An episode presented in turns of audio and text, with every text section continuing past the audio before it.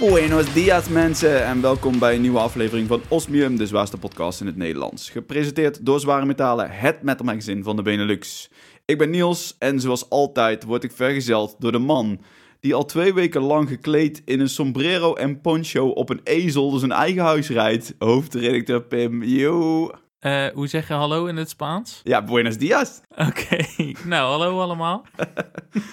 We zijn er weer. Ja, zeker te weten, ja. Nou, in deze tijden die... eh, het was toch... niet de Mexicaanse griep? Nee, ja, dat is waar. Maar ja, nou, corona is toch Spaans, klinkt Spaans. We hebben net een uur lang research gedaan om ervoor te zorgen dat we responsible reporting hebben. En dan zit jij meteen alweer in de verkeerde griepvirus eh, te allueren. Nu wek je de indruk alsof wij ooit research doen voor deze podcast. Nee, de vorige keer hadden we uit de losse Polscast. Ja, Nu hadden we de kip zonder kopkast. ja dat klopt, ja. ja. Want, want vandaag gaan we ook niet, niet zo heel heel erg veel... eh, nou ja, we hebben wel wat, wat onderwerpen klaarstaan natuurlijk, waar ik daar even doorheen ga lopen. Maar we, we zullen een beetje van, van de hak op de tak springen misschien. Eh, voordat, voordat ik eh, dat allemaal ga vertellen aan jullie, eh, we hebben nog steeds Facebook en Instagram. Dus volg ons, klik op die like-knop en ehm, zeg even tegen ons dat, dat we, weet ik veel, zeg, zeg dat we gewoon binnen moeten blijven nu. Want dat is hetgene wat we nu moeten doen natuurlijk. Blijf nou eens binnen, joh. Ja, inderdaad. Stay inside. Ehm, we hebben vandaag twee topics. En in, in eerste instantie gaan we het natuurlijk eventjes hebben over het coronavirus. Oh nee, ik word er zo moe van, Niels. Oh ja, ja jij, jij bent zo elitair dat jij, jij bent er klaar mee. Dus nu stoppen we er maar mee. Wij zijn er gewoon nu even helemaal klaar mee. Het is natuurlijk een serieuze zaak. En eh, Dat coronavirus is nog niet klaar met ons. nee, precies. Helaas niet. Was het maar zo. Maar dat is helaas niet. Voorlopig nog niet. Ja, we, we gaan daar natuurlijk even bij stilstaan. Het liefst op een beetje een luchtige manier. Want we hebben denk ik al genoeg ellende hier in de omgeving, denk ik. Ja, inderdaad. Inderdaad. Dus, en daarna gaan we ook nog eventjes wat, eh, wat tips geven om deze moeilijke tijden door te komen. Dus we hebben wat quarantaine tips klaarstaan. Quarantina! Nou ja, dat is, dit is dan wel weer Spaans. Heel goed, heel goed. Ja, ja, ik moest even warm draaien, maar nu begin ik, nu begin ik er wel in te komen. Eh, gringo, gringo. Nou, oké, eh, Oké. corona. Ja, Vertel we gaan lekker, we gaan lekker. Nou, ja, eh, corona, ja. eh, nou, laten we eerst dan even, even voor de mensen die de vorige aflevering hebben gehoord. Eh, toen zat jij nog ergens op een heel andere plek dan dat je nu zit. Dus misschien moet je eerst even vertellen, ja, waar ben je, Pim? Ja, inderdaad. de vorige paar afleveringen van Osmium waren opgenomen vanuit een andere tijdzone. Mhm. Dat is nu niet meer het geval. Ehm, inderdaad, toen we de laatste podcast op hadden genomen, had ik, was ik net aangekomen in Philadelphia. En keek ik er naar mijn herstel uit, maar toch ook zeker wel weer het vervolg van mijn werkbezoek eh, tot halverwege april. Nou ja, zoals iedereen weet is die coronacrisis eh, helemaal eh, hè, de pan uitgeëscaleerd. zoals ik dat altijd zeg. Zo, zo, dit waren drie spreekwoorden in één, maar oké. Ja, daarom zeg ik een taalvirtuoos. Dat leg je allemaal over elkaar. Inderdaad. En, maar goed, in, in Amerika zijn ze toch, nou ja, ze, ze waren eerst heel erg laks, lakser dan in Europese landen, met de, qua hoe ze omgaan met dit coronavirus. Maar toen de paniek eenmaal aanging, dan merk je gewoon hoe dun de social fabric is van dat land. Dus iedereen ging meteen de supermarkt plunderen en hier doen we dat met onze boodschappentasjes op de fiets. Maar in Amerika gaan ze met de pick-up trucks en halen ze de hele Costco in één keer leeg. ja. Dus ehm, dat was wel van een andere orde. Ik denk ook dat er nog nooit zoveel pistolen en eh, geweren zijn verkocht in zo'n korte tijd. Dus dan zie je meteen al dat dat totaal geen echte samenleving is. En ehm, nou ja, toen Trump eenmaal besloot dat de grens tussen Europa en, of Schengenlanden en, en, eh, en Amerika virtueel dichtging van de ene naar de andere kant, vroeg de, mijn werkgever of ik even zo snel mogelijk terug naar huis wilde komen. Die hadden natuurlijk eh, door dat mijn fysieke gesteldheid of gezondheid al niet eh, optimaal was. En als het zou betekenen dat, nou ja, mijn vrouw bijvoorbeeld niet zomaar naar Amerika zou kunnen komen als ik ziek zou worden of zo, ja, dan zou ik erg in de shit zitten. Dus, ehm, nou, ja, twee, drie weken nadat we die vorige aflevering hadden opgenomen, moest ik mijn vlucht zo snel mogelijk omboeken. En in de stress eh, met, eh, ja, elk land ging steeds meer zijn, eh, zijn, zijn grenzen op slot doen. En dan hoop je maar dat, dat je vlucht in ieder geval nog doorgaat. En dat is uiteindelijk goed gegaan. En ik ben sinds vorige week zaterdag, het is nu dinsdagavond dat we dit opnemen, ben ik weer thuis in Nederland en in quarantaine. Ja. Dus die, dat verblijf in Amerika was natuurlijk een grote teleurstelling. Ja. We hadden het ironisch genoeg op de laatste aflevering van, de vorige, v- van vorig jaar hadden we het erover dat je op heel veel manieren de dood kon vinden in Amerika. Dat heb ik, zoals je hebt meegehoord op de afgelopen afleveringen, op heel veel verschillende manieren geprobeerd. Ja. En eh, Ja, nou ja, ik ben er net aan ontsnapt. ja, toch gelukt. Ondanks Jezus, al je man. pogingen ben je niet dood gegaan. Nee. Nou, En Nou. hoe is het bij jou? Is jouw leven eh, ondersteboven? Ja, nou, ondersteboven zou ik niet zeggen, maar er zijn zeker wel verschillen natuurlijk met het normale, het normale do- ja, leven wat je gewend bent. Ik werk nu sinds een weekje of twee thuis. En ja, dat is eigenlijk voor mij de grootste verandering. Normaal gesproken werk ik altijd op een kantoor. Voor de mensen die het niet weten, ik doe iets in de IT. Dus ja, ik heb gewoon een kantoorbaan van eh 9 tot 5, om zo maar te zeggen. En ehm, ja, dat doe ik nu thuis. En dat is even wennen. Je zit eigenlijk wel een beetje opgesloten natuurlijk. Je voelt wel die muren een klein beetje op je afkomen op momenten. Maar over het algemeen, ik heb toch wel een hekel aan alle mensen. Dus hè, wat maakt het uit dat ik hier thuis zit? Hè? Dan zit ik maar in mijn eentje thuis. Kan ik lekker in mijn eigen sop gaan koken. Ben je nog een beetje aan het eh, koken wel ook? Of eh, doe je voor de takeaway voor de lokale economie eh, stimuleren? Nee, ik, ik word gewoon, gewoon elke nacht wakker onder het eh, stof van lege zakken Dorito chips en eh, tussen de lege blikjes Red Bull, zeg maar. Kijk, dat is een verantwoordelijke levensstijl. Nee, nee, ik, ik leef gewoon nog eigenlijk hetzelfde leven als dat ik normaal leef. Alleen, ja, ik, ik probeer mijn eh, bezoekjes naar de supermarkt natuurlijk te beperken. Hoeveel wc-papier heb je nog? Aan 3200 rollen. Jeetje, jij bent gewoon een vieze hoorde, man. Gadverdamme. Ja, nee, ik, ik, eh, ik leg me dit, leg me jij dit zoveel uit. dan? maar Schijt jij zoveel dan, Niels? Nee, ik denk dat ik gewoon een normale, ja, nomina, hoe, hoe noem je dat? Een gemiddelde hoeveelheid scheid. Wat, wat, eh, ik denk niet dat ik een, een uitschieter naar boven of naar onder ben. Wat ga je doen met dan die... Wat ga je dan doen met die 32.000 rolletjes, eh, Niels? Ja, gewoon, hè, voor de zekerheid. Ja, daar kan je gewoon heel je huis mee insuleren, geloof ik. Ja, inderdaad. Ik, ik snap het trouwens echt niet. Als je, oké, hè, we eh, panieksituatie en alles, eh, crisis. Ik zou zeggen, je slaat gewoon een pallet met blikken witte bonen en tomatensaus in of zo. Je gaat toch niet wc-papier halen? Dat is toch niet... Waarom, waarom dat? Ja, ik denk dat, dat niemand dat snapt. Maar er is een soort van wisdom of the crowd die er toch voor zorgt dat het dan elke keer gebeurt. Ja. Het is ook natuurlijk als één iemand daadwerkelijk gaat plunderen in de supermarkt, dan is het rationaal voor iedereen om ook te gaan plunderen. Ja. En dan heb je een race to the bottom. Maar eh, nou ja, inderdaad, wij hadden nogal wat wc-papier. Dus eh, ik, ik weet nog wel dat ik vorige week donderdag, toen ik de dag voordat ik terug naar huis zou vliegen naar Amerika, of vanuit Amerika, zei ik tegen mijn vrouw van, joh, hè, als je zo naar de supermarkt gaat, neem even wat extra rijst mee. wat extra pasta en een Ja. paar blikjes tomatensaus. Dan komt Ja. het ook wel weer goed. Ik denk ook deels dat, dat de reden dat de supermarkt leger is dan je gewend bent, is natuurlijk deels omdat mensen nu massaal aan het inslaan zijn. Maar ik denk ook gewoon het feit dat mensen meer thuis eten. Zeg Ja. maar, mijn vriendin of vrouw dan, die, die, die luncht op de werk en, en, en, en die ontbijt ook nauwelijks thuis. Nou ja, allemaal mensen die meestal buiten de deur eten, die moeten nu allemaal thuis zitten en eten. Dus ik denk dat in dat opzicht het wel logisch is dat er ineens heel veel meer vraag is naar voedsel van de supermarkt. Ja, absoluut. Ja, logische verklaring inderdaad. Ik weet niet of dat er eh, logistieke problemen geweest zijn omtrent dat virus om met het, de aanvoer van eh, producten naar de supermarkt. Misschien Ja. had dat ook nog kunnen meespelen, weet ik niet. Ja, en ik denk ook, ik denk in fundamenteel opzichten hoef je denk ik in niet, niet heel erg veel zorgen te maken, omdat je gewoon, het is niet dat we door de crisis ineens met z'n allen obesitasneiging krijgen, dat stel je hebt het coronavirus, dat je dan in één keer 300.000 calorieën per dag moet eten om te kunnen overleven. zeg maar, de, de vraag naar voedsel is gewoon op, op een, op een macro-schaal gewoon nog steeds hetzelfde. Dus, eh, Ja. dus, dus ja, ik, ik, nou ja, ik denk dat we ons qua supermarktvolheid niet, geen zorgen hoeven te maken. Nee, denk ik ook niet inderdaad. Ik denk juist, nou mensen bewegen nou minder, dus je zou zeggen dat ze juist minder nodig hebben, toch? Nou, ik had gezien dat er een aantal mensen toch al eh, het huis uitgingen afgelopen weekend. Zo, ja. Ik zag het ook op het nieuws. Want...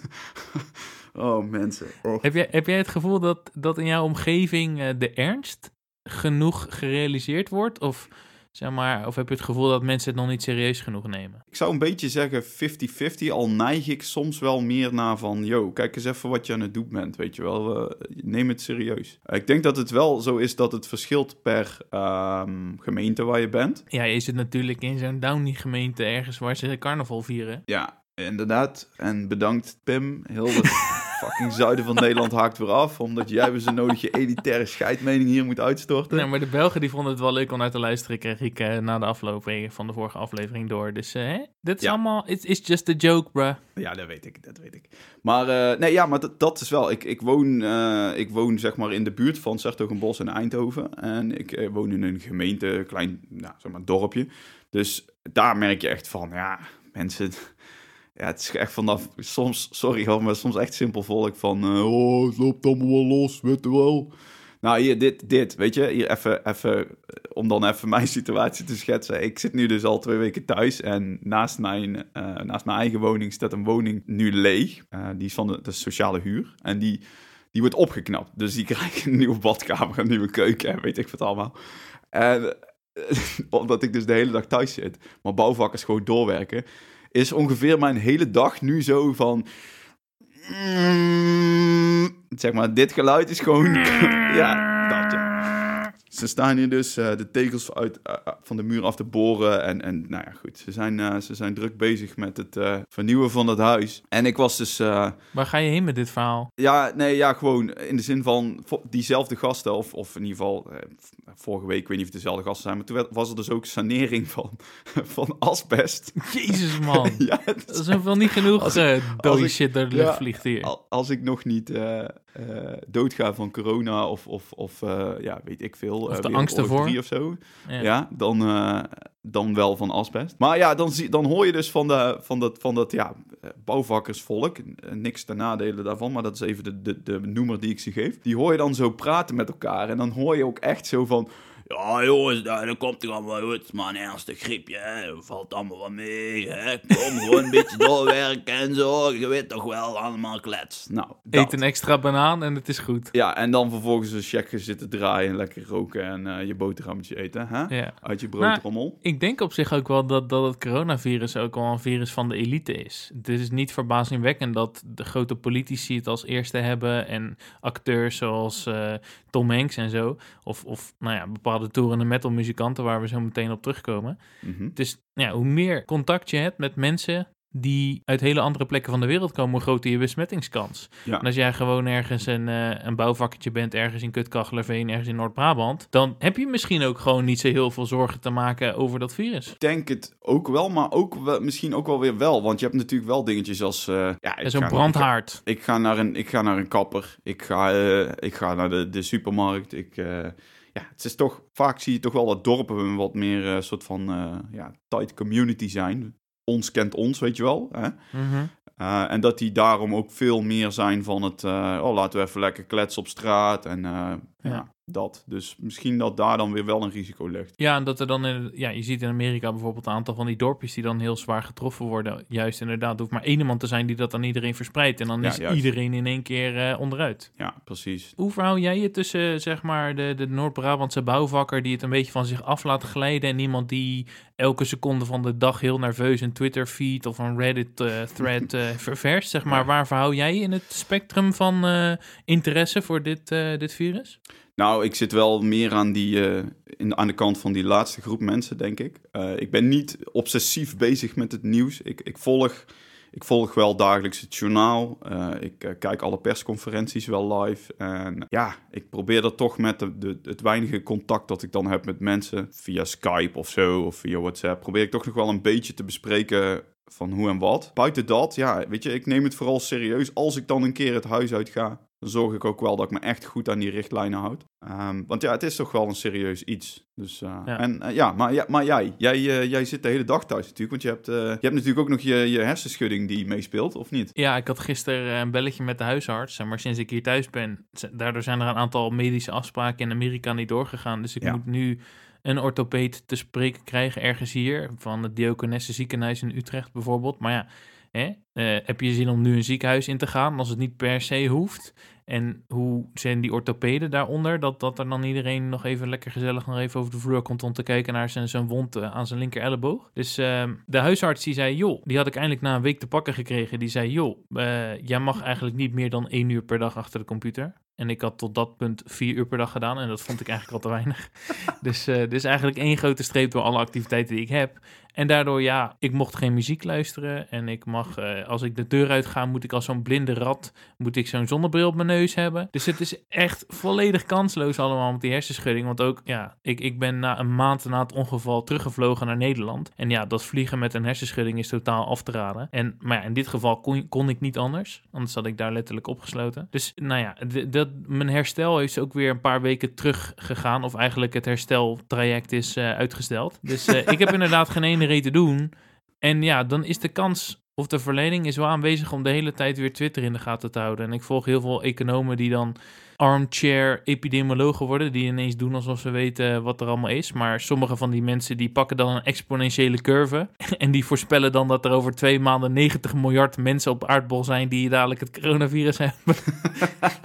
maar goed, via via hè, wordt toch het kaf van het koren gescheiden en dan zie je het gescheiden, gescheiden, weet ik veel. En dan zie je uiteindelijk wel dan kom je in contact op de Twitter-feed van een paar uh, virologen en zo, die allemaal van die dingen doen. Dus dan zat ik science papers te lezen en nature papers over het ontstaan van het virus en numerieke modellen met doorrekeningen en zo. En verschillende strategieën om het virus in te perken. Nou, ik doe dat dan vaak uh, om één uur s'nachts of zo, als heel de wereld slaapt.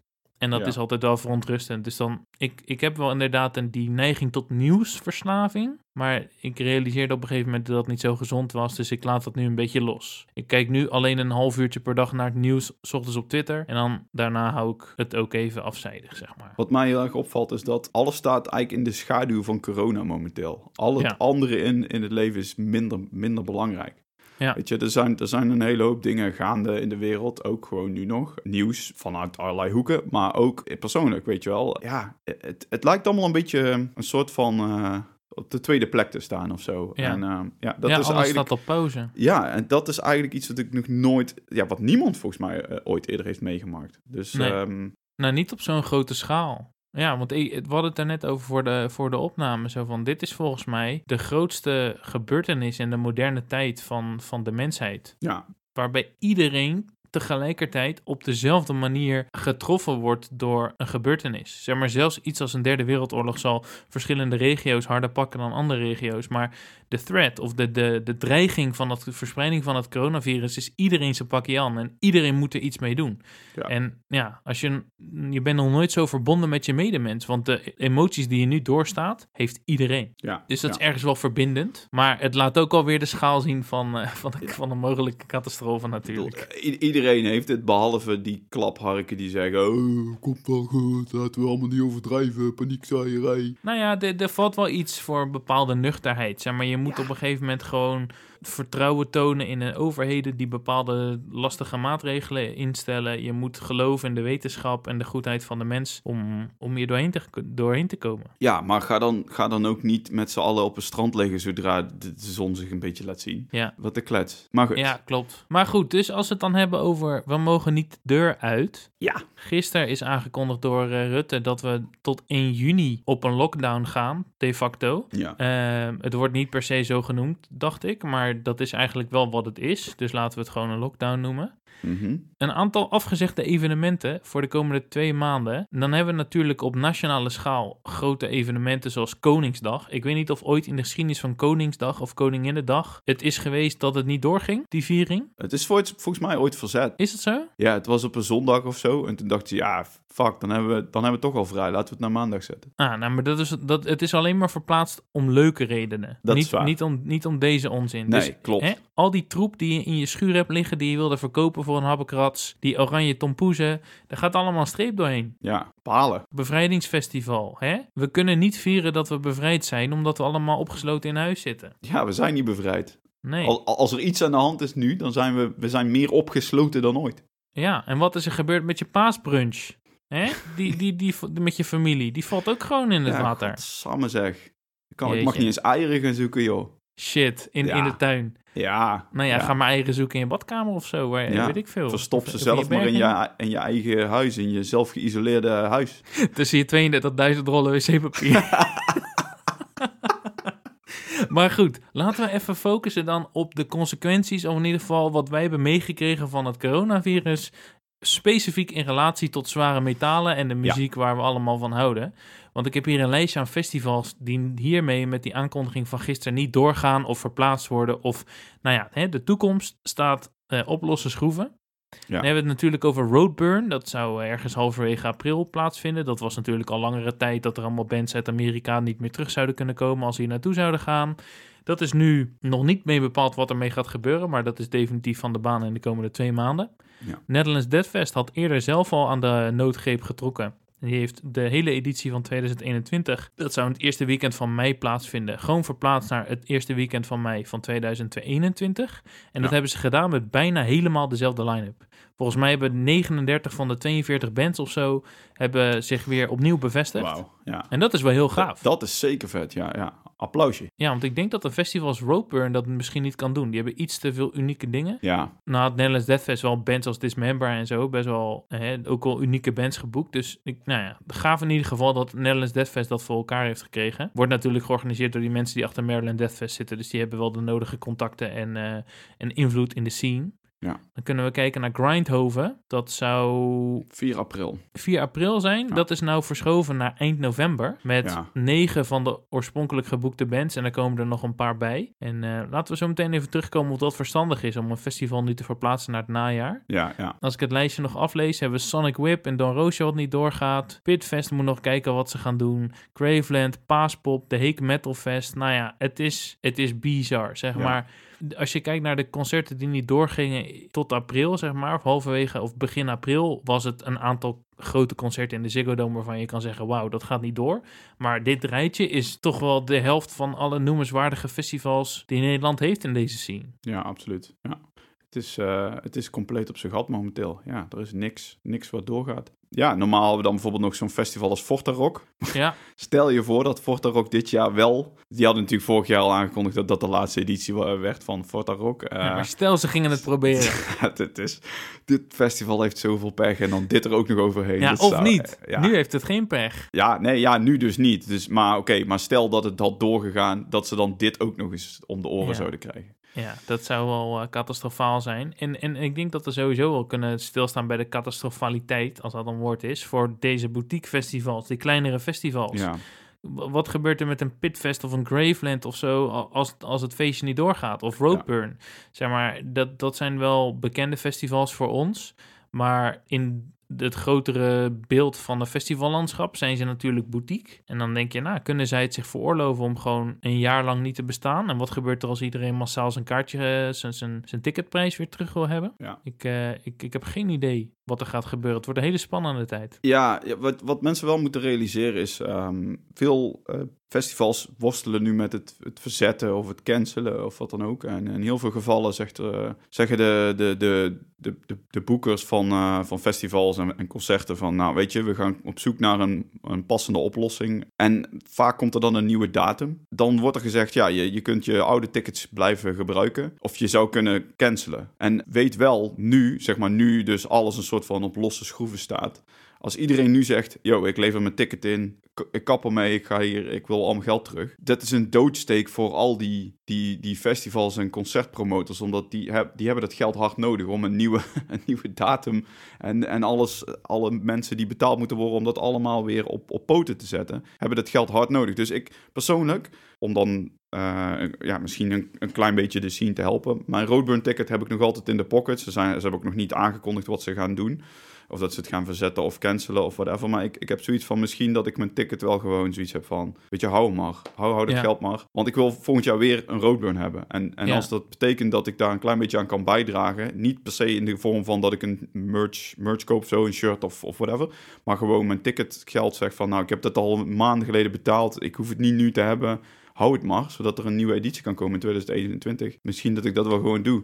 Want ja, laten we heel eerlijk zijn. We moeten wel echt even de scene st- steunen in deze tijden. Want ja, eh, je- je- jij hebt het net zoals ik waarschijnlijk wel gezien. Ehm, hoeveel artiesten zetten er een, een, een, een GoFundMe op. Een, eh, ah, we doen een livestream concert of weet ik veel wat, weet je wel. Er zijn Ja. zoveel initiatieven gaande nu. En dat is allemaal uit pure financiële nood. Zeker. Maar ik denk op zich dat we qua barmhartigheid eh, voor de scene, dat dat wel ingebakken zit in de metal-luisteraar. Hmm. Dat is natuurlijk zeker echt wel iets, zeg maar, er zijn geen su- subsidies van de overheid die dingen mogelijk maken. De- dingen worden mogelijk gemaakt vanwege de beste intenties en het harde werken van mensen. Met liefde voor de muziek en liefde voor elkaar. Dus ik denk dat, dat, dat, dat, de- dat een groot deel van deze festivals het nog wel te boven kan komen. Want ik denk ook dat het gevoel van euforie, als we dadelijk ooit nog weer met z'n allen naar buiten mogen, Ja. dat zal natuurlijk een orgasmische ervaring zijn als we dadelijk weer met z'n allen bij een concertje kunnen staan. Ja, juist. Dus ik denk ook wel dat hè, de, de, de comeback is altijd harder dan de fallback, of weet ik veel. Wauw. Je Je weet toch? gewoon even een nieuw spreekwoord hier te plekken. Maar goed, ik denk dat het gaat lukken. En als we barmhartigheid hebben voor leuke initiatieven, support die scenes. En het is ook, we mogen natuurlijk niet mensen cash shamen. Hè? Als jij het financieel niet aan kan, dat, eh, dat de boel eh, ineens financieel instort. Als jij je baan hebt verloren en je hebt die Ja. 200 euro van je roadburn ticket nodig. Absoluut. Ik zou zeggen, wie het geld kan missen, laat er lekker je ticket gaan als je inderdaad in de toekomst naar Roadburn wil. Maar als het dadelijk betekent dat jij eh, uit je huis gezet wordt en ehm, weer terug moet gaan naar de kelder bij je ouders, dan kan je inderdaad gewoon misschien, of je hebt helemaal geen, geen, geen backup optie, dan is het inderdaad geliefd, geoorloofd om even je geld terug te vragen. Dus wij zeggen niet dat je een ASO bent als je geld terugvraagt. Nee, nee, nee. Maar eh, denk er goed over na over de consequenties en kijk of je het aan kan zelf, financieel of niet. Eh, Ja. Het is voor iedereen lastig. Dit zijn unprecedented times. Ja, inderdaad. Nee, misschien weet je, als je, als je een paar bands hebt die je echt, dat, dat, waar je echt van denkt van, damn, ik baal zo dat die, dat die bands hun, hun tour moeten cancelen. Koop een shirt even, weet je wel. Ga naar een, een goede, eh, zoek naar een goede shop, waarbij de inkomsten van die shop direct naar de artiest gaan. En ehm, bijvoorbeeld, ik heb eh, vandaag een shirt besteld op Evil Greed. Vind ik wel een toffe, toffe plek om shirts te bestellen. Je hebt een officiële store van allerlei grote artiesten. Of althans groot in onze scene dan groot. Misschien Ja. zoals eh, Chelsea Wolf. Ik heb eh, vandaag een, eh, een Full of Hell shirt besteld. Die eigenlijk was gedrukt voor de Europese Tour. Maar ja, die ja, dus niet Ja. doorgaat. Ehm, en eigenlijk dus ook op Roadburn stond. Waar ik Ja. super veel zin in had. Maar ja, Ja. dus ik denk nou, hè, koop een shirt. Steun je toch die band een beetje. Dus Ja. eh, probeer dat. eh, alles helpt, weet je. Kleine, kleine bedragen, grote bedragen, whatever. Doe, doe iets als je het kan, als je het wil. Ehm, ja, het is toch, eh, toch, toch moeilijk nu om rond te komen als artiest. Inderdaad. Je hebt de Bandcamp, die doen nu dat als je daar iets koopt, dat 100% van de inkomsten gaan meteen door naar de bands. Dus als je ergens digitaal wat merch of wat, wat, wat muziek wil kopen via Bandcamp, dat kan ook. En dan gaat er ook een heel groot percentage van eh, wat je betaalt naar de muzikant. Dus Ja. er zijn inderdaad verschillende avenues waarbij jij kan helpen. Als ik bij mezelf een hoofd, hoofdrekensommetje maak van de hoeveelheid geld die ik al had gestoken in toekomstige concertkaartjes of festivalkaartjes die niet doorgaan, dan zit ik volgens mij op de 750 euro. Zo. En eh, op een gegeven moment komt er een grens. Maar, Scene eh, points. nou ja, het, ja, je had natuurlijk dat festival in Amerika waar Converge Jane Doe integraal Ja. ging spelen. Ja. Ik had tickets voor Code Orange. Ik had nou, sowieso tickets voor Parquet Courts en nog een paar andere concerten in Amerika. Nou ja, Roadburn is dan een flinke klapper. Lowlands is een flinke klapper. Maar goed, we moeten even perspectief houden. Als we bijvoorbeeld kijken op zware metalen, hebben we hier een beetje op ingehaakt. Om door te vragen, om een beetje te communiceren hoe muzikanten en poppodia of boekers hierin staan Ja. hebben we een aantal artikelen op de frontpage geplaatst. Een hele losse eh, categorie ervoor aangemaakt op de website. Waarbij we dus aan muzikanten of podia en boekers vragen hoe zij hierin staan. En we hebben mensen van Agnostic Front, Amendra, Ultima, Suicidal Tendencies, Asagram, Ancient Rights, Officium Trist, Freddie Mercury, The Monolith Death Cult, Asphyx en dan Doomstar Bookings, 013, Metropool, Willemijn, Bolwerk, Loud Noise, Baruch, De Flux, De Nobel en Musicon. Die hebben we allemaal gevraagd hoe hun leven er anders uitziet, waar ze nu mee bezig zijn, wat hun verwachtingen zijn voor de toekomst. En eh, ja, als je wat insights wil in hoe zij zich nu voelen, ga naar de website van Zware Metalen en check even die artikelen. We knallen ze ook wel in de show notes. Yes. Maar dat is, ehm, ja, dan, dan, dan lees je, dan, dan realiseer je ook weer de ernst van wat er allemaal op het spel staat. Dat deze wereld die wij hebben, die kwetsbare metal scene, ja, dat, dat we één zo'n coronavirusje verwijderd zijn van ehm, het verdwijnen van heel veel mooie plekken en bands en initiatieven. Absoluut, yes. Dus steun waar je kunt steunen, zou ik zeggen. Wat zijn jouw verwachtingen voor evenementen na 1 juni? Eh, ik denk niet dat het zomaar eh, ineens eh, storm zal gaan lopen. Zo van, nou, laten we 2 juni eens eventjes lekker een festival of een concert gaan houden. Ik, ik, ik denk dat dat plekken zijn die bij, ja, bij uitstek mensen aantrekken van all over the place. Dus, dus zeker in het geval van festivals, van over heel Europa of heel de wereld in sommige gevallen. En dat dat natuurlijk een heel riskant iets is, want het wil niet zeggen dat omdat het hier in Nederland misschien wat meer onder controle is, dat het overal in de wereld zo is. Dus dat is een gevaarlijk iets. En ook bands. Ja, en dan heb je inderdaad ook nog bands die moeten dat al überhaupt willen en, en kunnen. Dus ja, eh, ik, ik denk niet dat het zomaar is dat we op, eh, op, op 1 juni kunnen zeggen van... hé, hey, nou, la- laten we, laten we eens eventjes doen alsof, eh, alsof er no- nooit iets gebeurd is... en de draad weer oppikken waar we, waar we waren gebleven voor... Ja, Probleem opgelost. ja. Dus, nou ja, Graspop en alle andere hele grote metalfestivals, eh Wacken, Download, weet ik veel. Alle, alle grote jongens. De, Ja. de, de Hellfest, daar gaat denk ik ook een streep doorheen. ja, want die zijn allemaal in juni, juli en augustus, denk ik dan. Ja, veel zijn er in juni en dan heb je veel in augustus. Ja, ik, ik vrees ook daarvoor hoor. Ik, ja, en we hebben nu alleen gekeken naar Nederland. En Nederland heeft tot 1 juni ma- maatregelen. Dat is redelijk, redelijk vergaand al hoor. Ja, ja, want volgens mij zijn wij wel een van de langere periodes van Europa nu op dit moment. Ja, toch? als je, als, je, als je nu, als je gewoon even optelt vanaf vorige week tot 1 juni, dat zijn volgens mij iets van 70 dagen of zo.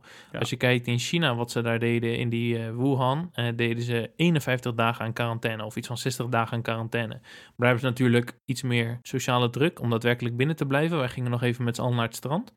Dus je zou kunnen zeggen dat, het de, dat de, de lockdown nu pas menens is. En, maar dan nog is het wel echt gewoon meer dan twee maanden. En het zou dus kunnen zijn dat, dat we op 1 juni met z'n allen weer naar buiten mogen. Maar als je kijkt naar wat de experts zeggen, is dat er waarschijnlijk meerdere golven van lockdowns aankomen. Dus dat we op een gegeven moment het land op slot gooien als de intensive care het niet meer aan kan. Dan moeten we even een maandje met z'n allen binnen zitten. Dan mogen we weer naar buiten. Dan gaan we weer met z'n allen naar de lockdown als eh, de intensive care weer vol ligt. En dan gaan we weer naar buiten en, enzovoort. Totdat er groepsimmuniteit is als zoiets bestaat. Of als er een vaccin is, als die ooit gemaakt kan worden. Ja. En, eh, maar ik denk dat, dat, dat het misschien werkbaar houdt voor bedrijven en zo. En het werkende leven. Maar als concertzaal kan je toch niet zomaar zeggen... joh, eh, we hebben een concert op 1 november nu, verplaatst naar 1 november. Stel, we moeten dan net voor de tweede keer weer in lockdown... omdat iedereen in het najaar weer een griepje heeft. En, ehm, en, en het coronavirus weer verder verspreidt. Ik denk dat het heel erg wishful thinking is... dat wij op 1 juni ermee klaar zijn. Ik denk dat we daar nog wel eh, in ieder geval in een bepaalde afbouwende fase zullen zitten. Dat is het minste wat we dan waarschijnlijk zullen hebben. Eh, maar misschien is het wel gewoon zo dat tegen die tijd blijkt dat het toch niet onder controle is. En dat we die maatregelen nog veel verder moeten doorvoeren. Misschien wel tot het einde van het jaar, wie weet. In ieder geval voor evenementen die groter zijn dan 100 mensen. Daar moet je Ja. toch serieus wel rekening mee houden. Ja. Niet om te doemdenken hoor, maar het, is, het zijn realistische scenario's op dit moment. Ja, en je hebt ook, zeg maar, hoe meer mensen tegelijkertijd in, de- in de buurt van elkaar zijn, hoe groter het verspreidingsgevaar. Dus dingen als Ziggo Domes, inderdaad, dat, of Ja. een arena, voetbalwedstrijden, dat, dat is dan gewoon uit, uit den boze. Ja. Ehm, maar ja, eh, of, of de lokale Little Devil of de DB's open kan blijven, weet ik ook niet. Ja, ja, die worden natuurlijk het hardst getroffen door dit terugval van inkomsten. Ja. Ehm, en, en weet je wat het ook het lastige is? Je kunt eigenlijk pas de, de, de, de, ja, zeg maar de, de maatregelen die je neemt, de, de resultaten daarvan, die komen eigenlijk pas twee weken later. Ja, of, of ze zijn onzichtbaar. Dus de mensen die, die sceptisch zijn over de effectiviteit of de noodzaak van dit soort maatregelen, die inderdaad draconisch zijn, objectief gezien, die zullen gelijk krijgen in het beste scenario. Zie je wel, er is niks gebeurd. Ja. Zeg maar, de counterfactual, zeg maar, ergens is het fijn dat het in Italië de pleuris uitbreekt, hè? eh, even morbide gezegd. Ja. Dan heb je, kan je in ieder geval wijzen naar wat er gebeurt als, het, als je het niet genoeg serieus neemt, of als je gewoon pech hebt. Ja, absoluut. Ja, mee helemaal mee eens. Dus eh, Ja. ik, zou, ik zou niet te vroeg gaan juichen en denken, joh, op, Nee. eh, op 1 juni zijn we er helemaal klaar mee. Dat zou ik eh, Nee. niet denken. Ik denk dat misschien in de zomer temperatuur gaat omhoog. Er zijn sowieso niet zoveel griepjes, dan gaat het wel weer oké. Maar ik denk als het in september, oktober weer een beetje snotter weer wordt, dan, dan, dan gaat dit een comeback maken. En zoals ik al zei, hè, de comeback is altijd groter dan de setback. Ja, Boerenwijsheid. zeker. Absoluut. Oké, nou zullen we het allemaal hier laten met het corona-gedoe? Ja, laten we even naar iets, eh, iets positiefs eh, overgaan dan. Nou goed, laten we eerst even het, het onderwerp introduceren. We gaan nu wat quarantaine-tips doen. Want ja, iedereen zit zich thuis helemaal kapot te vervelen. Je moet natuurlijk toch wel tijd doden. Dus wat we hebben gedaan is, ja, we hebben, we hebben een aantal eh, tips op een rij gezet. Die, die misschien wel handig zijn om de tijd door te komen. Normaal gesproken doen we altijd luistertips, concerttips. Luistertips gaan we zo nog even doen. Concerttips, ja, alles ligt plat zoals worden, net. Ja, dus we hebben wat andere dingen verzonnen. Goed, laten we dan even beginnen bij de luistertips. Ja, die is wat conventioneler natuurlijk. Maar om nog even te beloven aan mensen, om mensen vast een beetje te watertanden, hè, dat ze niet kunnen wachten wat we allemaal gaan vertellen.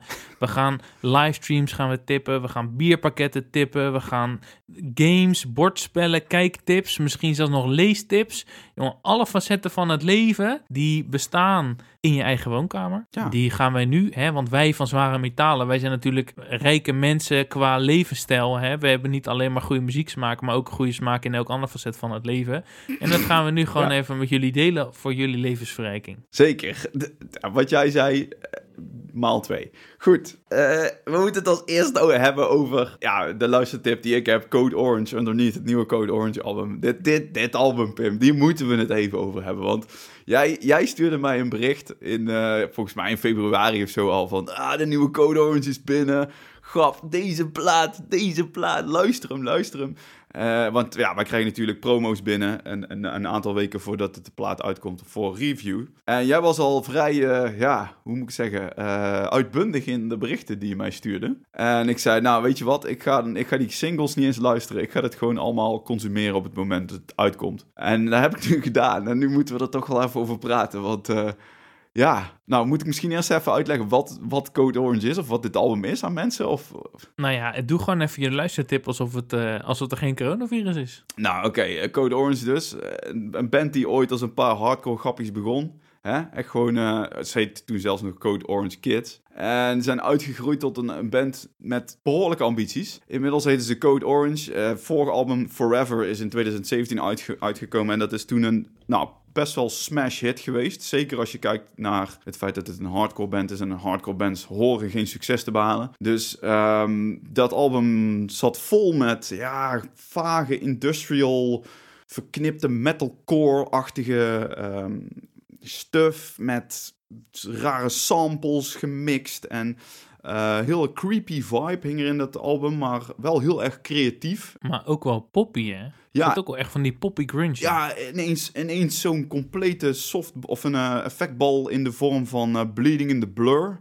Een nummer dat best wel wat, ja, wat tractie had toen. En ja, voor mij was dat toen dat ik echt dacht, nou, dit is deze band gaat, this, this band is going places. Nu zijn ze drie jaar later terug met een nieuw album en dat heet Underneath. En ik verwachtte daar best wel veel van. En nu heb ik dit album een paar keer geluisterd. En ik heb nog steeds eigenlijk een soort van woordenwolk in mijn hoofd hangen als het aankomt op het omschrijven van dit album en mijn mening daarover. Dus ik ben nog niet helemaal erover uit wat ik nou precies vind van het album. Maar jezus, het, het is echt... Uh, ze hebben echt alles hierin gefrot, hè, wat ze konden vinden. Elk ding wat op de plank lag, elke synthesizer, elk effectpedaal, elke soundclip elke schaar om, om de tape op te knippen op verschillende plekken en dan weer in te starten op een random moment. Elke vierkante centimeter van dit album zit ramvol gepropt met 12, 13, 100 verschillende lagen aan vage, rare dingen die je niet verwacht. En daarom is het een album dat het is bijna vermoeiend om te luisteren, vind ik. Het is ja, echt het is een, het is een beetje bij elkaar gehamsterd. Ja, het voelt aan als een beetje een Frankenstein gedrocht, deze plaat. Ben je het met me eens? Ja, ik vind het echt een drol. Ik vind echt een drol van een plaat. Ja? Uh, al is, me, is denk ik het laatste inderdaad nog niet over gezegd. Uh, ik denk wel dat als je op zoek bent naar een interessante luisterbeurt, dan is Code Orange dat sowieso. Ja. Ik had die eerste plaat, of sorry, die, uh, die tweede plaat, I Am King, stond ja. destijds in 2013 of 12, weet ik van wanneer die uitkwam, op nummer 1 in mijn jaarlijst. Dus ik ben wel echt een Code Orange fanboy, ben ik. Ja. To the max. En ik vond die Forever ook best, want die had ik volgens mij 8,5 gegeven drie jaar geleden in mijn recensie. Maar ik vind dit echt... Het, slaat zijn doel, het schiet zijn doel voorbij, zeg maar. Het is, ja. Ja. Wat ik destijds tegen je zei, was dat het voelt alsof een groepsopdracht voor de middelbare school. En er moest een uh, opstel geschreven worden. Ja. En dat hadden ze allemaal uitgesteld tot uh, de avond ervoor. En iedereen zit tegelijkertijd in een uh, gedeelde Google Docs documentje. Een beetje dingen in te voegen, alineaatjes te knippen, plakken van Wikipedia. Zonder dat ze daadwerkelijk lezen wat de rest allemaal doet. Ja. Dus ik vind het echt, ja, die hak op de tak. Die chaotica, daar hou ik doorgaans wel van. Maar het zit hier heel vaak gewoon een beetje de flow van het album in de weg. Denk dat ik daar wel, uh, wel, wel grotendeels mee eens ben. Ik moet wel zeggen, naarmate de luisterbeurten zich een beetje opstapelen nu, begin ik toch ook wel echt waardering te krijgen voor, uh, ja, voor, de, voor, de, voor de meer recht toe recht aan stukken. Die hardcore stukken die er af en toe in zitten, dat is wel echt een paar hele dikke smerige riffs in die ik echt heel erg waardeer. Um, ja, het voelt alsof ze. Kijk, het is onmiskenbaar. Deze band heeft talent. Deze band heeft meer talent in zijn vingerkootje dan ik in mijn hele lijf. Alleen dat talent kun je gebruiken op verschillende manieren. En soms moet je. Ik denk dat soms een, een, vorm van talent is terughoudend zijn. Weten wanneer je aan de noodrem moet trekken. En niemand heeft het in dit project gedaan. Echt niemand. Gewoon elk, elk, elk klein gaatje of kiertje wordt weer zo van... Ah, is hier een stilte of is hier een adem, adempauze? Fuck it. Hop, we stouwen er een, een of andere rare sample in, weet je wel. Waardoor die nummers aanvoelen alsof er 20.000 dingen tegelijk gebeuren. Maar daardoor heb je ook zoiets van... Ah, uh, het is een overload aan, aan stuff. Ik had, ik had net... Ik heb het idee dat ze van... Oké, ze willen heel erg laten zien van ja, wij zijn de band, wij zijn de toekomst van metal en bla bla bla. Ze steken daar niet onder stoelen of banken. Ze hebben al meerdere malen gezegd dat ze wel uh, geïnteresseerd zijn in het worden van een, een grote, grote band. Uh, en ja, ik denk een beetje dat ze zoiets hadden van, nou, wij zullen eens even, hè, een beetje borstgetrommel van, wij zullen eens even laten zien dat wij de toekomst zijn van, van metal. En, en daarmee hebben ze eigenlijk een beetje hun ja, denk ik, een beetje zijn ze aan het doel voorbij geschoten. Dat gezegd hebbende, ik begin wel steeds meer in dit album te raken. En, en ik denk ook steeds meer van, oh ja, nu komt dat stuk waarin die start-stop mechaniek zit. En dan heb ik toch zoiets van, ja, als je het een paar keer hoort, is het toch wel vet. Ik denk dat het wel uniek is, zeg maar, deze band is dan bij Roadrunner Records uh, getekend. Mm Vaak zie je dat als zo'n kleine indie band op een gegeven moment weggesnoept wordt door een groter label, dat ze qua geluid juist veiliger gaan en suffer. En, uh, en, en, en in bepaalde opzichten was die vorige plaat Forever dat ook. Als je dan I Am King had echt, de bracht die metalcore breakdowns van de jaren 90 weer helemaal terug. Uh, die Forever was meer, ja, naast die industriële invloeden was het daadwerkelijk wel heel poppy af en toe. Met Bleeding in the Blur, zoals jij al zegt. Gewoon aanstekelijk en poppy en toegankelijker. En deze plaat heeft dat allebei wel, maar het zet steeds de rem. Wanneer het echt een beetje catchy gaat, wordt het weer afgekapt. Wanneer er echt een harde breakdown is, wordt het ook weer afgekapt. Wat mij betreft wordt steeds gewoon wordt er even heel snel iets opgebouwd en dan wordt het meteen weer afgebouwd. Nou ja, als je dat misschien instudeert, zoals jij weet, wanneer de bepaalde knip- en plakstukjes eraan komen. Maar ja, voor mij. Uh, het, is een beetje alsof je een mooie fruitsalade in een blender gooit. en dat er alleen maar één grote drap overblijft. Zeg maar. Los is een stukje mango. met een stukje, weet ik veel, appel en ananas gewoon lekkerder. dan als je er gewoon een of andere random shake van maakt. Maar daar tegenover staat, de Albert Heijn verkoopt heel veel smoothies. Dus ja. Ja, klopt. Er, er zal een markt voor zijn. Maar dus ik weet niet of dit de template is voor de toekomst. Want ik denk niet dat elke band dit zomaar kan. Ik, ik denk ook niet dat dit een moderne klassieker is. Uh, ik denk ook niet dat dat werkt. Ik hoop, ik hoop het wel, dat Code Orange ooit een keer in de HMA gaat staan bijvoorbeeld. Je moet, als, als, als zij voor 5000 man uh, van die Iron King breakdowns gaan spelen, dan zou ik het geweldig vinden. Maar nee, ik denk, ik denk niet dat dit... Uh, er zit een houdbaarheidsdatum meer op, denk ik ja, ik, ik ben heel benieuwd waar ze heen gaan. Ik denk wel dat ze de potentie hebben om heel groot te worden. Ik denk alleen niet dat dit zo'n grote commercial appeal heeft dat ze bijvoorbeeld een Slipknot of zo zouden kunnen evenaren. Daarvoor zijn ze eigenlijk te underground en te ja, raar. Gewoon. Ja, eh, en ook wel weer te hardcore, want ze hebben die nieuwe tour waarmee ze door Amerika zouden gaan, waar kaartjes valt hier in Philadelphia, namen ze in de support, namen ze dan Show Me The Body, Jesus Peace en en Year of the Knife mee. Dat zijn echt binnen de hardcore scene gewoon hele vette bands. Ja. Maar daarmee word je niet groot. Zeg maar, dat was echt zo van... Hè, het grote broertje neemt zijn kleine broertjes mee... Uh, op tour. En het, wat Code Orange nodig zou hebben, is weer op zo'n Rockstar Energy Tour gaan met, met Shinedown en zo. Zeg maar, dat, dat, dat zorgt ervoor. Of, of op die Notfest at Sea Tour of zo. Op zo'n zo'n cruise waar we het vorige keer over hadden. Ja. Zeg maar, dat heeft Code Orange nodig voor het volgende niveau. Ja, maar ik denk dat ze dan toch te hardcore zijn en te bang zijn om hun, fans van het eerste uur te verliezen. Omdat ze toch wel, uh, ja, weet je, het is not done om op zo'n tour te gaan als hardcore bent, toch? Dan uh, ben je, dan ben je Ze hebben dat al gedaan, hè? Ze hebben dat al heel veel gedaan. En ze zijn nog steeds welkom op festivals als This is Hardcore en zo. Dus ik weet niet, ik denk dat Code Orange juist wel dat kan maken. Maar nou ja, ik, ik, ik weet niet of dit nou inderdaad een claim to fame is. Ja, nee, ik, eh, ik, ik weet het ook niet. Ik wil wel even zeggen, ik hou deze band wel tegen een hogere standaard dan gemiddeld. Dus ja. Eh, ik, mijn kritiek is nu misschien uh, hard of harder dan gemiddeld. Ik, dit is gewoon voor mij, voor mij is dit gewoon een 8 uit 10 hoor, dit album, echt wel. Ik, ja. ik, ik, ik, vind het nog steeds super vet en het zou me niks verbazen als het met nog wat meer luisterbeurten zou groeien en uiteindelijk in mijn top 20 uh, eh, albums van het jaar terecht zou komen. Ja, ik denk ook wel dat het het meest interessante album is wat ik heb gehoord dit jaar. Zeg maar, ik zat bij de eerste luisterbeurt toen ik een beetje een play-by-play gaf aan jou in de chat. Ja. Toen dacht ik echt, af en toe zat ik gewoon te schater lachen om zo weer zo'n bizarre wenteling in de muziek. Dat je denkt van, what the fuck wordt hier nou weer gedaan, weet je wel? Ja, ja, Dan moet je gewoon af en toe om lachen. En dat is wel genieten ook. Ja, absoluut. Dus uh, nou ja, Code Orange Underneath. Uh, check het eens even en laat het ons ook eens weten wat jullie ervan vinden. Ik ben heel benieuwd. Ja, wat, uh, wat, is jouw tip? Nou ja, ik kreeg dus gisteren van de huisarts te horen dat ik niet meer naar muziek mag luisteren. en oh, ja. dus misschien kan ik radiostilte aan, aan, aanraden, maar dat is niet echt een luistertip.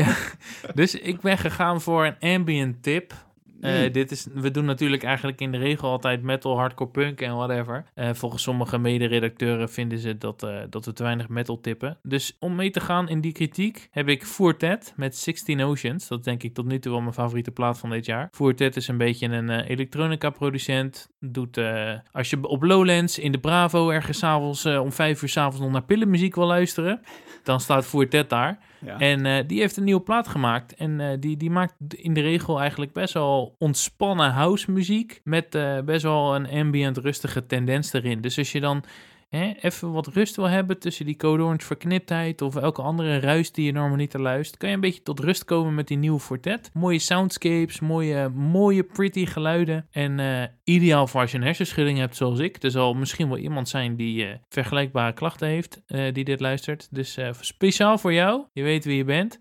Fortet, 16 Oceans.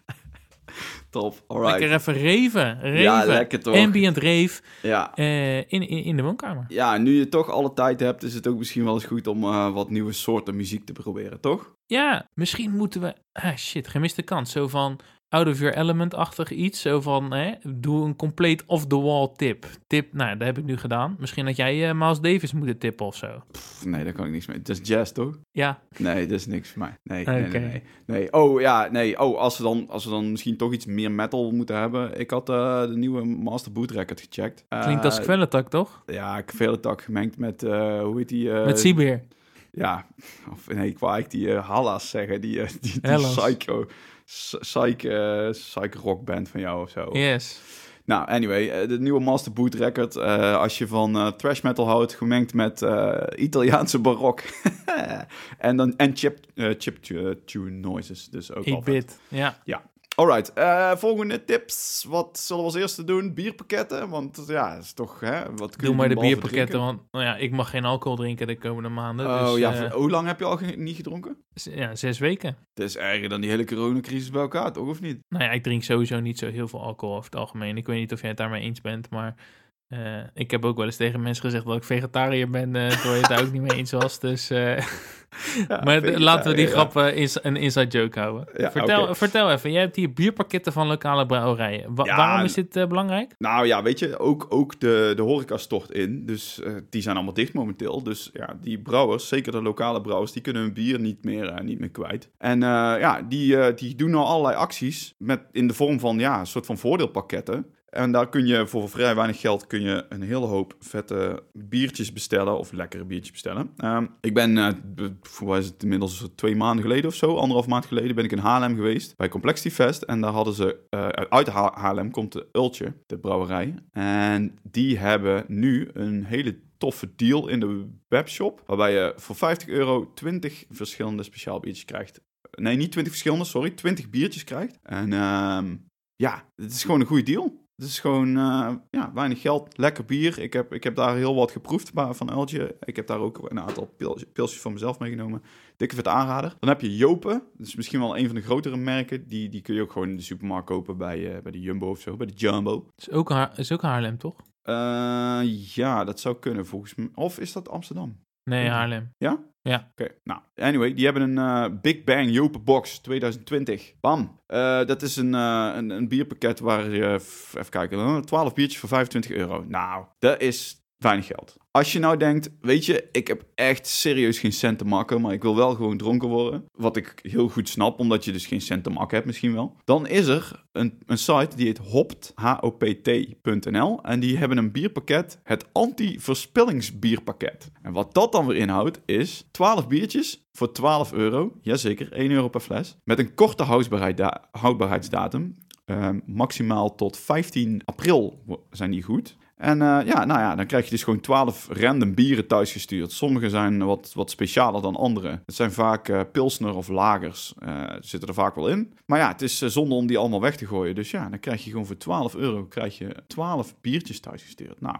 gegarandeerd een goede avond zou ik zeggen. Is er ook nog een versie eh, van leuke sapjes of zo? Eh, dat, dat, dat de mensen met hersenschuddingen ook nog mee kunnen doen in deze movement? Ja, je kunt non-alcoholische bieren kun je bestellen. Er zijn een hele hoop brouwerijen die non-alcoholische eh, bierpakket aanbieden. Is dat zo? Ja, zeker. Zonder gaan. Ja. Oké, nou dan vind ik je tips weinig inclusief. Stuur Oh. zo meteen maar een tipje dan Ook- voor iets wat ik kan bestellen. Oké, sorry hoor, Mr. Social Justice Warrior. Kom op zeg. God Nee, maar ik nou, vind doe maar een andere top. tip dan. Wat wil je, nee, wat nee, wil je nee, ik wil even zeggen, ik vind het oprecht heel gaaf. Zeg maar. Eh, Ja. En het hoeft niet iets dat je iets koopt van deze drie brouwerijen te zijn. Het is natuurlijk geen geheim dat er onder de metal nerds ook een hoop mensen zijn die gewoon biernerds zijn. Ja. Je weet wie je bent en je hebt vast wel inderdaad een lokale brouwer of een leuk initiatief waarvan je van weet. Dus als je zoiets hebt van, joh, hey, dit is ook een shout-out waard. Deze brouwerij bij mij om de hoek, die heeft ook een leuk initiatief. Deel het in de comments, laat het aan mensen zien, verspreid de liefde. Ja. Dit is een moment om eh, ja, nieuwe bieren te ontdekken eh, van, vanuit je, ja, je eigen luie bank. Absoluut. Dus naast artiesten hebben ook brouwerijen het moeilijk. Dus help elkaar, zou ik zeggen. En eh, ja, win-win, want je hebt lekker bieren thuis. Kom op. En je moet Ja, toch het iets drinken als je in, in isolatie zit. Dus, hè? Juist. En dan zit je op de bank met een bierie. Wat ga je dan kijken? Er zijn natuurlijk een aantal concerten gelivestreamd. Nu, als we dit vorige week hadden gedaan, hadden we wat meer volledig overzicht kunnen geven. Ja. Want, maar sindsdien is het namelijk, heeft elke band en elk project en elke solo black metal project en elke drumcomputer heeft al zijn eigen livestream gehad inmiddels. Maar, ehm, nou ja, Floody Milkley hadden natuurlijk een nieuwe plaat uit. En dat was een van de eerste livestream die ik zag. Die gingen ook gewoon lekker livestreamen voor een lege, lege zaal in België. Ja. Dat was heel erg gaaf. Code Orange, waar we het net over hadden, die hadden ook een release show gedaan in Pittsburgh. eh, die li- gelivestreamd werd. Dat kreeg heel veel aandacht. Dat hadden ze op Twitch gelivestreamd. Met eh 13.000 man of zo die tegelijkertijd daarnaar aan het kijken waren. Ja. En ehm, in Eindhoven was de Supernova Studio een isolation sessions begonnen, waarbij elke dag in de studio een andere band langs kon komen. Daar zijn Zalm, hè, het jaar van de Yeah. Zalm langsgekomen. We hadden het er eh, tijdens de Complexity Fest aflevering ook al over. Pressure Pact is daar geweest, de punkhelden. Dat is nu overgenomen door de Effenaar, dus daardoor wat corporate en breder. Maar nou ja, toch wel een van de eerste initiatieven ook in Nederland.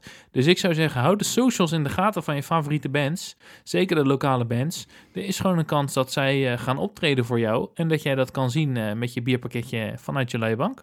Ja, vet, zeker, inderdaad. Bijna iedere band heeft wel iets nu om handen om, om geld in het laadje te brengen. Livestreams, whatever. eh, special merch, eh, noem maar op, allemaal. Eh, check, check de socials, inderdaad. Ja, en er gaat hier ook geschiedenis geschreven worden. Hè? Waar was jij toen Zalm de, een legendarische livestream deed in Eindhoven bij de Supernova Studio? Precies. Heb je nog een Nou ja. shirt laten thuis bezorgen? Ja, Huh? het juiste antwoord is dat je thuis was natuurlijk. Maar Juist. heb je het gezien of niet?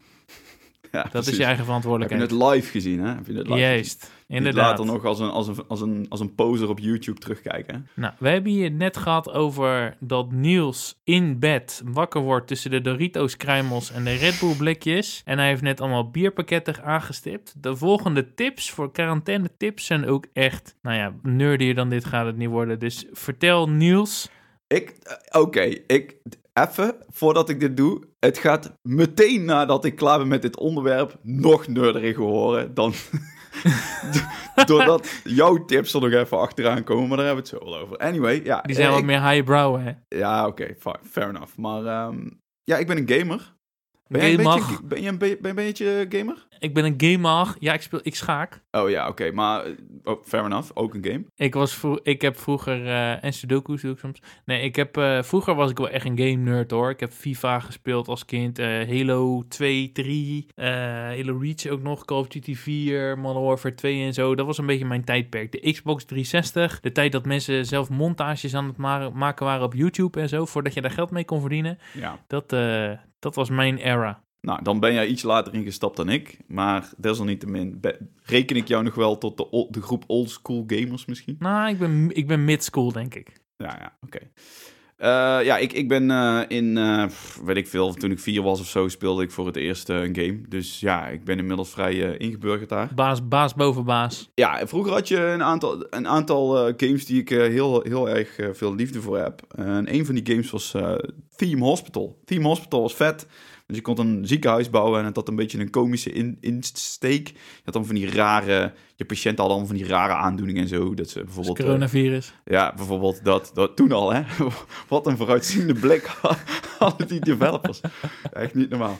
Maar, eh, Profetisch. ja, nou ja, goed, dat was een beetje een komische, komische game. En eh, die, heeft, die makers daarvan die zijn een eh, tijdje out of the picture geweest. Of hebben allemaal bij andere bedrijven gewerkt. Dus zijn ze een nieuw eh, bedrijf begonnen. En die hebben onlangs hebben ze Two Point Hospital uitgebracht. En dat is een game die op alle consoles speelbaar is. Dus eh, Xbox, PlayStation en de Nintendo Switch. En op de PC. Op de PC is hij al wat langer uit. Ehm, ja, het is gewoon een voortzetting van de, de nostalgische game inmiddels. Dit is, dit is super vet. Alleen dan in een, in een nieuw grafisch jasje. Dus eh, daar ben ik redelijk aan verslaafd. Maar daarnaast heb je ook nog een andere game die van oudsher heel veel liefde krijgt. En dat is Doom.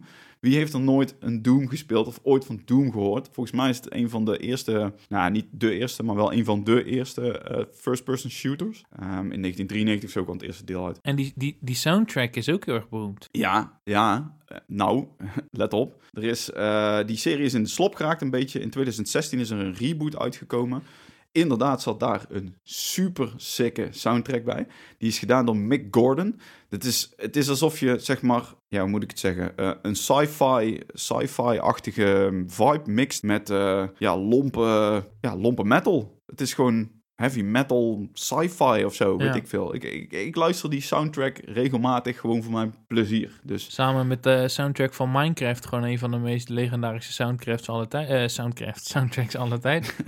ja, ja inderdaad, die, die Min- Minecraft soundtrack is ook wel eh, redelijk, eh, die blijft redelijk in je kop hangen. Die van RuneScape was ook dik hoor. Die ken ik helemaal niet, heb ik nooit gespeeld. Jij wel? Nou ja, jij durft jezelf een early gamer te noemen. Je hebt nooit RuneScape gedaan. Die zat zeker op World of Warcraft of zo destijds. Ja, ja, ja, ik was een World of Warcraft nerd. Ja, toen zat ik op de basisschool toen RuneScape groot was. En toen was jij volgens mij al eh, afgestudeerd. Dus Ja. an- an- an- ander- andere generatie.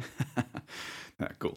Anyway, er is nu een nieuwe Doom uit, Doom Eternal. En het is ziek. Ziek, ziek, ziek. Demonen uit elkaar trekken met een kettingzaag. En daar weer ammo voor terugkrijgen. Terwijl er door je speakers dikke vette metal blaast. Ik hou ervan. Vette game. Dan, in de komende twee maanden gaan er een hele hoop... eh, of gaan er twee grote games uitkomen die ik, eh, die ik heel graag eh, wil gaan spelen. De, de remake van Final Fantasy VII voor de RPG-nerd. En eh The Last of Us 2. Nou ja, als je een PlayStation 4 hebt, dan weet je waar ik het over heb. Dus ik zou zeggen, pre-order die of zo. Of koop een van die andere twee games waar ik het net over had. Is de, release, is de release van die games niet uitgesteld of zo? Want ik weet dat bijvoorbeeld de filmindustrie ligt momenteel op zijn gat. Ik vraag me af hoe dat gaat met het ontwikkelen van nieuwe spellen. Ik denk, ik denk dat ze zoveel mogelijk eh, door proberen te gaan. Ja, Sowieso is het, is het nu het moment om te gamen, want iedereen zit Ja. thuis. Dus denk op ook, zich, ja. op zich denk ik dat ze daar wel gewoon zoveel mogelijk in willen voorzien. Het enige probleem is, ja, hoe ga je om met eh, developers? Die moeten dan vanuit huis gaan werken. En ja, Ja. Dat, ja, Die hebben Kijk- misschien ook niet de computers om eh, alle, alle grafische dingen hem aan te kunnen, bijvoorbeeld. dat. En, en ja, je moet natuurlijk ook, als je een game maakt, heb je een bepaalde geheimhoudingsplicht. Want Ja. ja, daar hangt heel veel van af. Dus ja, je kunt niet zomaar buiten de, de, de, de grenzen van het bedrijf gaan werken. Dus ja, Ja. Lastig. Ehm, maar goed, we, vooralsnog volgens mij eh, niets dat is uitgesteld. Ehm, later in het jaar, in september, komt eh, denk ik misschien wel de grootste release van het jaar uit. Dat is Cyberpunk 2077 met, wow, Keanu Reeves. Die doet ook mee. Ik weet na al die jaren, na al die memes, nog steeds niet wie dat is. Keanu Reeves niet? Wie Heb de je fuck is Keanu Heb Reeves, je man? fucking de Matrix niet gezien? Ik heb de Matrix 1 gezien en ik vond het echt bagger. Ja, nou, die gast die de hoofdrol speelt is Keanu Reeves. Oké. En die gast die heeft ook niet zo... Vreemd genoeg heeft die gast niet zo heel veel grote, noemenswaardige films gemaakt. Eh, hij is ooit een beetje begonnen zo met eh, Bill and Ted's Excellent Adventure. Ik weet je niet, heb je die, die heb je zeker ook niet gezien. Nee joh, ik, ik ben een uncultured swine. Nou ja, ik zou het niet zeggen. Maar, nou anyway, eh, dat. Dus eh, de meme lord van eh, 2020, denk ik. Nou, jij, eh, jij hebt nog wat nerderige tips. Nou ja, ik wil nog even een game tip doen. Oh. Nu ik erover na zit te denken, ik heb laatst weer een leveltje Rollercoaster Tycoon 2 gedaan. Oh yeah, baby. Ik heb geen grafische kaart hier thuis op mijn computer, dus eh, ik moet iets spelen waarbij je met de GPU op je CPU kan spelen. En eh, Rollercoaster Tycoon 2 eh, does the job. Ja, precies. Nou, vet. Sowieso. Vroeger ook gespeeld. Echt Ja. super verslavend. Ja, daarom. Maar ik zeg, joh, blijf ook in contact. Als we het hebben over games, dan kan net zo goed een bordspel zijn. Ja. Als je als je, je koffiepraatjes mist hè, bij, bij je werk, of je lunchtafelpraatjes, kan je gewoon eh, ook bordspellen gaan doen. Er zijn bordspellen die je in eentje zelfs kan doen. Of er zijn bordspellen die je met twee man kan doen. Dus hè, als je met je ouders opgesloten zit, of met je vriendin, of een vrouw, of eh, man, whatever. Jij eh, noemde meteen Pandemic. Ja, Maar als we dan toch even iets meer hebben over escapisme, het Ja. ontsnappen, dan heb ik bijvoorbeeld in de aanbieding als tip Terraforming Mars. Dat is verder dan dat ontsnappen kan je niet. Het monopoliseren en het ontwikkelen van Mars, het leefbaar maken van Mars, is het idee van Terraforming Mars. Kan het in je eentje doen, kan met z'n tweeën doen, kan met z'n vieren doen. Geweldig spel, best wel complex, redelijk nieuw uitgekomen, heeft veel prijzen gewonnen. Dus als je echt inderdaad een nekbaard hebt, dan denk je, oh, pleb, mainstream aanbeveling. Maar wie weet, Terraforming Mars is vet. Een van de betere nieuwe bordspellen ook is Wingspan. En daar gaat erom, en dit is dan weer grappig, omdat we met z'n allen verplicht binnen zitten. Het idee van Wingspan is, is dat je een beheerder bent van een soort van staatsbosbeheer eh, parkje, waarbij je een soort van eh, een biodiversiteit moet zien te bewerkstelligen met verschillende soorten vogels. Dus eh, als je een beetje mist, al dat gechirp om je heen, dan kan je met Wingspan je een beetje inbeelden dat je daar ja, wat, wat leuke verschillende diersoorten introduceert in je park en op die manier een vet spel wint. Wingspan. Fucking nerd dat je bent. Wat dan? Jij zit over mij, op mij te zeiken dat ik een nerd ben omdat ik games speel. Je begint over een bordspel over de ontwikkeling van verschillende vogelsoorten. Kom op, man. Dit is geweldig. Er Ja, zijn zeker. Ik heb-. Hey, ik zeg niet diegene, ik heb niks, ik, geen, geen, geen kritiek op nerds, maar eh, Mijn, tips, mijn tips zijn gewoon ge- geroot in de realiteit en het Ja. ontsnappen daaraan. oké, nou ja, games ook. Dus Oh, Doom Eternal speelt zich trouwens ook deels af op Mars, geloof ik. Oké. Dus eh, Nou, ja, hè, combi-deal. ja. Oh, by the way, grappig dat jij eh, Terraforming Mars noemt, want ehm, ik- zat dus eh, laatst ook met een andere vriend van mij, die zat ik even te praten over boardgames, want die zit natuurlijk in dezelfde soort situatie. En had, die had ook een game aangeschaft, die heette Scythe of zoiets. Nou, anyway. Dus ik was gaan googlen. Toen kwam ik uit op eh Board Game Geek. En dan Ja, zag je dat dus- is wel echt de plek. dat, ja, dat zei jij dus net ook al. Dat is eigenlijk, ja, hoe moet je het noemen? De, de IMDB van, van boardgames. Ja, Ja, nou, daar hebben ze dus een, eh, een ranking. Een, een, eh, een top boardgames. eh die, die telkens weer bij wordt gesteld. Waar we een nieuwe stem op worden. Je kunt op elke game kun je stemmen en zo. En et cetera. En in, in die, in die top, top 10 staat op nummer 3 Terraforming Mars. En op nummer 1 staat Gloomhaven. Daar heb ik nog nooit van gehoord. Jij wel? nou, ja, het kan zijn dat dat zo'n legacy game is. Je hebt van die spellen die dan 3000 uur duren, waarbij je steeds, zeg maar, als je het spel de volgende keer weer speelt, dan moet je verder gaan waar je de vorige keer ophield. En dat je dus alle consequenties van, Ja. je, van, je, verschil, van je verkeerde keuzes moet meedragen. Misschien is het zo'n spel. Ja, het zou, zou kunnen. Geen idee. In ieder geval eh, krijgt, een, krijgt de hoogste rating van allemaal. Dus eh, Gloomhaven. Maar op nummer 2, ik weet niet of dit toevallig is, maar op nummer 2 staat Pandemic Legacy Season 1. Hatsa. Is dat... en eh, staat Wingspan er nog tussen? eh, kan ik wel even voor je zoeken. Doe even een Ctrl-F. Wingspan. Dat is één woord. Ja, nummer 22. Hatsa, hier, man. Ja, Wisdom jongens. of the crowds. Zeker, zeker. Nou ja, kijk, het- ga eens naar bol.com en bestel ze, zou ik zeggen. Nee, hè, we gaan naar de lokale Oh, spelbordverkoper Ja. en, eh, en, en koop daar. Mits, mits veilig, hè? Mits veilig. Ja, even Af- eh, met de handgel eh, aannemen, die, die, die, die pakketjes. Precies, gewoon je handschoentjes aandoen, je, je masker op en je aluminiumfolie hoedje op. Nou, wat nou als je entertainment wil zonder dat je daarbij andere mensen nodig hebt... of moet interacteren of naar een winkel moet om een, om een spel te kopen? Ja. Cake tips. Ja, nou, quick, zullen we zo even gewoon rapid fire? Even wat, eh, wat dingetjes die je zo vanuit je luie stoel eh, kunt, eh, kunt krijgen. Ja, ga maar eerst. Ma- mag ik eerst? Ja? Oké, ik ben onlangs opnieuw begonnen aan Peaky Blinders serie. Zeker aan te raden. Als je het over series hebt, Fargo. Echt fenomenaal. Dan heb ik als, als films heb ik The Witch en Blade Runner 2049. Die zijn alle twee op Netflix te, te krijgen. Onlangs is er eh, een hele hoop, een hele trits aan, aan films uit de Studio Ghibli-reeks toegevoegd op Netflix.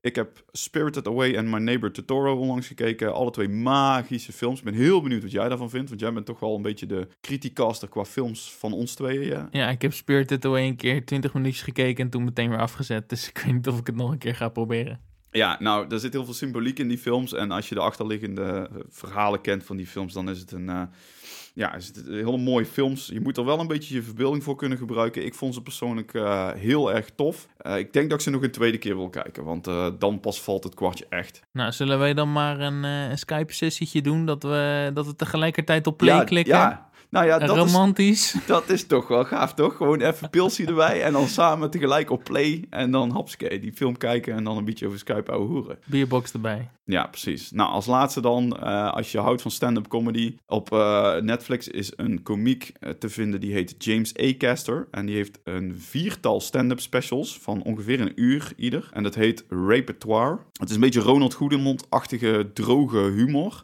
Hij, hij komt uit Engeland. En ja, het is mooi, want er zijn eigenlijk drie stand-up specials... die afzonderlijk van elkaar wat, wat connecties hebben met elkaar... maar wel redelijk afzonderlijk materiaal zijn... En in de vierde stand-up special brengt hij eigenlijk al die drie die, die, die, die eerdere stand-up specials samen. En dan refereert hij constant terug naar die eerdere, eerdere specials. En eh, ja, ik, ik vind dat heel, heel vet in elkaar zitten. En tegelijkertijd, ik vind hij zo quirky en zo offbeat dat ik hem... eh, ik kan hem erg waarderen. Dus eh, die zou ik ook nog even willen tippen. Vet. Ja, jij. Ik heb eh, een aantal films. Ik kijk niet echt series en ik hou ook niet van mensen die grappig proberen te doen. Dus ik, ik kijk ook niet naar anime's of eh, zoals jij eh, zei, comedies. Dus ik heb hier een beetje aanbevelingen die er haaks op staan. Mhm. Gewoon een paar films waarvan ik vind, als je die films kijkt, dan ben je gewoon een rijker mens. Wanneer je die film hebt gezien, dan wanneer je de film niet hebt gezien. Je bent niet meer hetzelfde persoon voor en na. Ja. Dus bijvoorbeeld Eraser, de allereerste film van David Lynch. 2001 Space Odyssey, beste film aller tijden. Call Me By Your Name, de film die laat zien dat liefde onder homo's ook gewoon liefde is. Stalker, hè, een van de mooiste Russische films aller tijden. La Grande Bellezza, Italiaanse praatfilm. Hereditary, gewoon een mooie pseudo-horror. En van dezelfde regisseur die eh, laatst eh, het teleurstellende Midsommar had gedaan. Maar Hereditary is daadwerkelijk vet. Ja. Dan hebben we The Lighthouse, dat is van dezelfde Ja, regisseur als The Witch.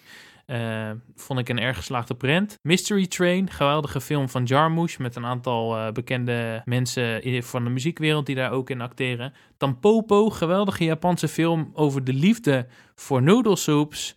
En als allerlaatste Clueless, toch wel zeker wel de grappigste film aller tijden. Top. Nou, kijk, als je daar niet mee uit de voeten kunt in de komende paar weken, maanden, dan weet ik Inderdaad. Alright, dan de rest Ja, ons shout even ding. iets uit. Maar volgens mij hebben wij alles al Shout-out. Ja, hier ik- zo. Nee, nee, nee, nee. Ik wil even, even een hele dikke shout-out, een hele serieuze shout-out doen. Even aan de hulpverleners van Nederland. Jullie doen werk waar ik diep, diep respect voor heb. Ik heb wat mensen in mijn omgeving die, die het werk doen. Jullie gaan door hele moeilijke tijden. Dikke, dikke vette shout-out naar jullie. En daarnaast shout-out naar alle artiesten, boekers, promotors, licht- en geluidstechnici, werknemers van poprodia, PR-mensen, medewerkers van platenlabels, merchverkopers.